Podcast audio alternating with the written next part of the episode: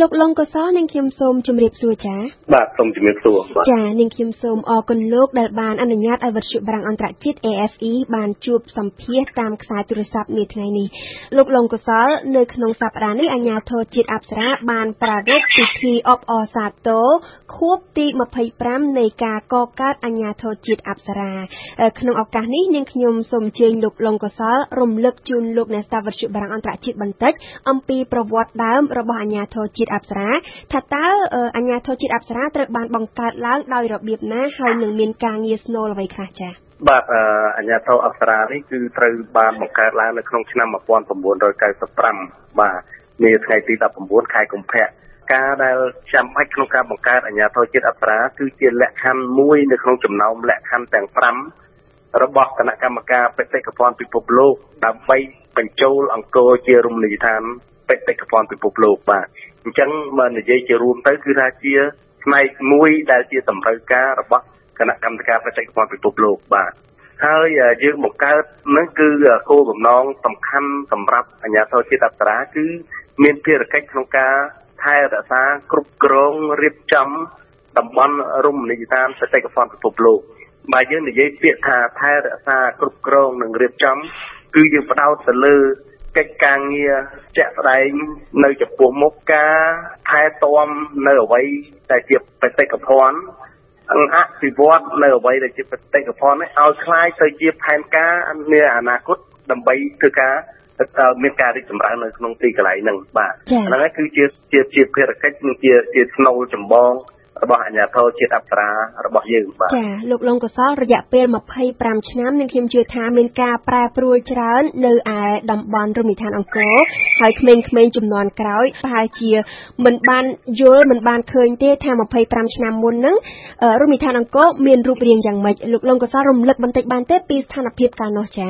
បាទខ្ញុំចង់បញ្ជាក់ថានៅពេលដែលអង្គរត្រូវបានចុះបញ្ជីបេតិកភណ្ឌពិភពលោក គឺយើងស្ថិតនៅក្នុងជាបេតិកភណ្ឌពិភពលោកប្រឈមនឹងគ្រោះថ្នាក់ដោយសារតែពេលនោះគឺកម្ពុជាស្ថិតនៅក្នុងសង្គ្រាមផងហើយស្ថិតនៅក្នុងស្ថានភាពនៃការចរចាស្វែងរកសន្តិភាពផងបាទអញ្ចឹងតំបន់អង្គរទាំងមូលតាំងតែយើងនិយាយថាប្រទេសកម្ពុជាយើងទាំងមូលមានអសន្តិសុខបាទ ដល់ឡែកអសន្តិសុខសម្រាប់តំបន់អង្គរទី1គឺថានៅទីនោះគឺនៅពេលនោះគឺមានវត្តមានខាងកងទ័ពខ្មែរក្រហមនៅនៅនៅឡើយទេបាទទី1ទី2សម្បូរទៅដោយក្របមីនទី3គឺ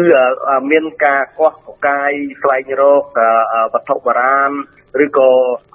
របស់ដែលមានតម្លៃនឹងយកទៅលក់នៅលើទីផ្សារងងឹតបាទ ទី4គឺដោយសារតែកង្វះខាតនៃការអភិរក្សជួសជុលដោយសារតែសង្គ្រាមស៊ីវិលយើងរាប់ទសវត្សរ៍មកហើយហ្នឹងគឺថារមណីយដ្ឋានរបស់យើងប្រាង្គប្រាសាទរបស់យើងហ្នឹងមានការខូចខាតច្រើនហើយមានព្រៃឈើដុះទុបទ្រុបដែលដែលมันអាចគ្រប់គ្រងបានដែលដែលដើមឈើនោះបានបង្កជាបញ្ហាច្រើនទៅដល់រចនាសម្ព័ន្ធនៃប្រាង្គប្រាសាទណាស់នឹងអាចនឹងមានបញ្ហាដួលរលំនោះហើយគឺជាស្ថានភាពដែលយើងឃើញ នៅពេល25ឆ្នាំមុនចា៎ដោយឡែកបាទដោយឡែកនៅក្នុងពេលបច្ចុប្បន្ននេះស្ថានភាពទាំងអស់នោះគឺត្រូវបានប្រែប្រួល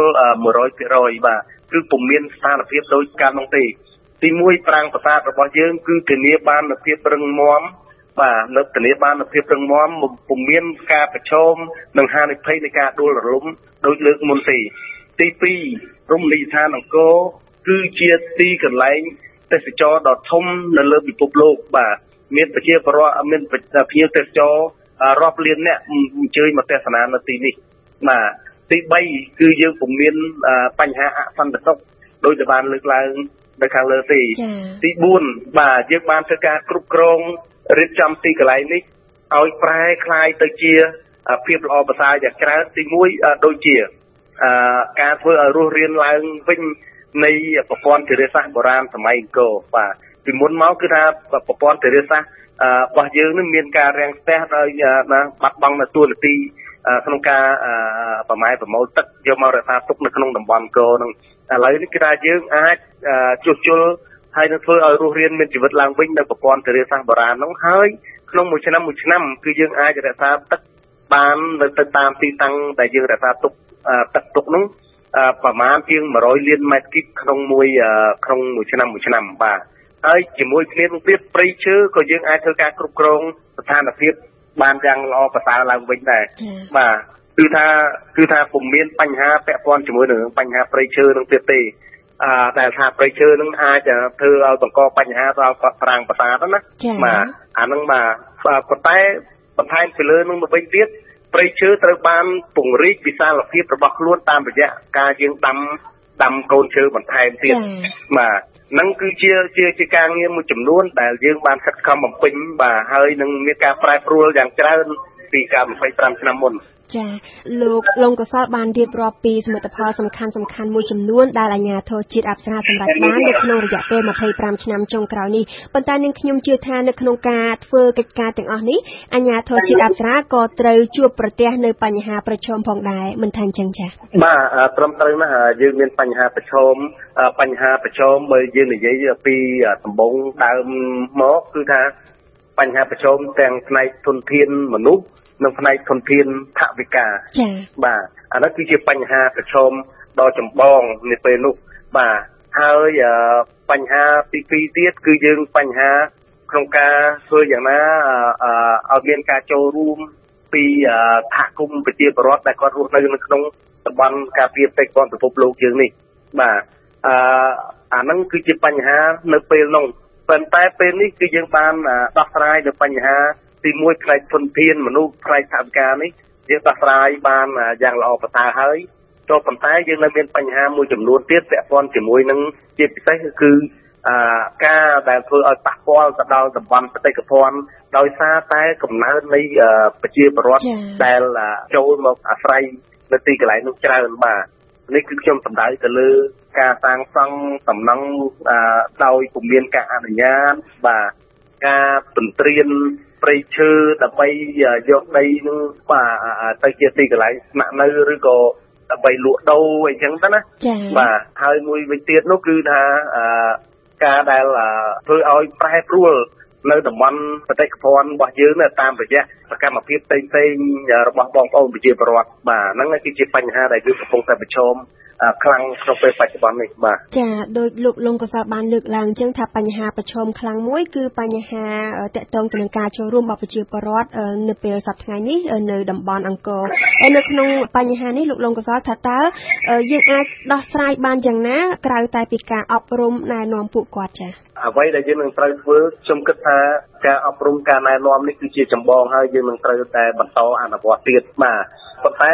អ្វីដែលជំហានទន្ទឹមគ្នាជាមួយនឹងការអប់រំការណែនាំនេះគឺថាយើងធ្វើការអនុវត្តផ្ទាល់ធ្វើការធ្វើយ៉ាងណាឲ្យគាត់ចូលរួមជាមួយយើងនៅលើផ្នែកទស្សនវិជ្ជាច្បាប់បាទ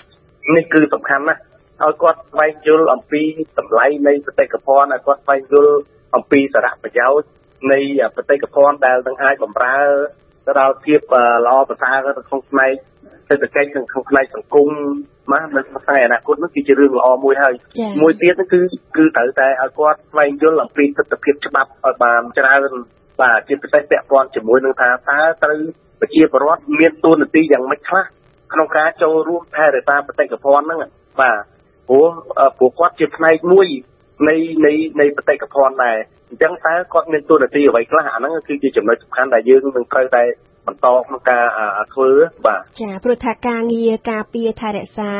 សម្បត្តិបេតិកភណ្ឌជាតិនេះមិនមែនជាការងាររបស់អាជ្ញាធរជាតិអប្សរាតែម្នាក់ឯងទេចាបាទបាទត្រឹមត្រូវបាទលោកលងកសលជាសំណួរចុងក្រោយរបស់នាងខ្ញុំក្នុងនាមលោកជាមន្ត្រីបម្រើការងារនៅអាជ្ញាធរជាតិអប្សរាថាតើលោកមានអនុស្សាវរីយ៍ដិតជាប់ក្នុងចិត្តយ៉ាងណាខ្លះនៅពេលដែលធ្វើការជិតស្និទ្ធជាមួយប្រាសាទបុរាណរាប់រយប្រាសាទដែលជាសម្បត្តិបេតិកភណ្ឌវប្បធម៌មិនអាចកាត់ថ្លៃបានរបស់ខ្មែរហើយប៉ះសិនណាចាប៉ះសិនបើថ្ងៃណាមួយលោកលែងបាននៅក្បែរលែងបានធ្វើការជិតដិតជាមួយប្រាសាទដូចមុនថាតើមនោសញ្ចេតនាអារម្មណ៍របស់លោកចំពោះប្រាសាទអាចនឹងប្រែប្រួលទេចាអឺខ្ញុំសូមសម្ដែងនៅការអរគុណដែលបានសួរនៅសំណួរនេះជាលក្ខណៈបុគ្គលផ្ទាល់របស់ខ្ញុំគឺថាមានអារម្មណ៍ជាមួយរស់នៅនឹងកិច្ចការងារជាមួយនឹងប្រាសាទនេះជាយូរឆ្នាំមកហើយហើយយើងតែងតែឃើញមានការកែថាថា ប្រែប្រួលកាន់តែល្អប្រសើរឡើងពីម្ដងតិចទៅម្ដងតិចពាក់ព័ន្ធជាមួយនឹងកិច្ចការងារថែរក្សាកិច្ចការងារអភិរក្សនេះបាទគឺថាយើងពួកយើងខ្ញុំនេះជាមន្ត្រីអាជ្ញាធរជាតិអប្សរាពិតជាមានតំណាងបាទពិតជាមានកិត្តិយសណាដែលបានបម្រើការងារនៅស្ថាប័ននេះហើយបំរើនៅផលប្រយោជន៍ជាតិទាំងមូលតែម្ដងបាទនឹងមួយផ្នែកមួយផ្នែកទៀតខ្ញុំយល់ឃើញថាពិត បើសិនជាថ្ងៃណាមួយត្រូវការត្រូវបែកពីកន្លែងនេះឬក៏ត្រូវតែទៅណាពីកន្លែងថាផ្សេងវាពិតជាមានអនុស្សាវរីយ៍យ៉ាងច្រើនដែលដែលមិនអាចរៃរាប់អស់ទេហើយក៏តាមរយៈនៃរយៈពេល20ឆ្នាំជាងដែលខ្ញុំបានទៅការនៅទីកន្លែងនេះគឺថាមាននៅអនុស្សាវរីយ៍យ៉ាងច្រើនរវាង រវាងមិត្តភ័ក្តិរវាងក្រុមការងារដែលបានធ្វើការរួមគ្នានេះបាទចាដោយអស់ពេលហើយនឹងខ្ញុំសូមបញ្ចប់កិច្ចសម្ភាសជាមួយលោកលងកសលតែត្រឹមនេះហើយខ្ញុំសូមជម្រាបជូនលោកអ្នកនាងស្ដាប់ថាលោកលងកសលជាអ្នកនាំពាក្យនៃអាជ្ញាធរជាតិអប្សរាសូមជម្រាបលាលោកចា៎បាទសូមអរគុណ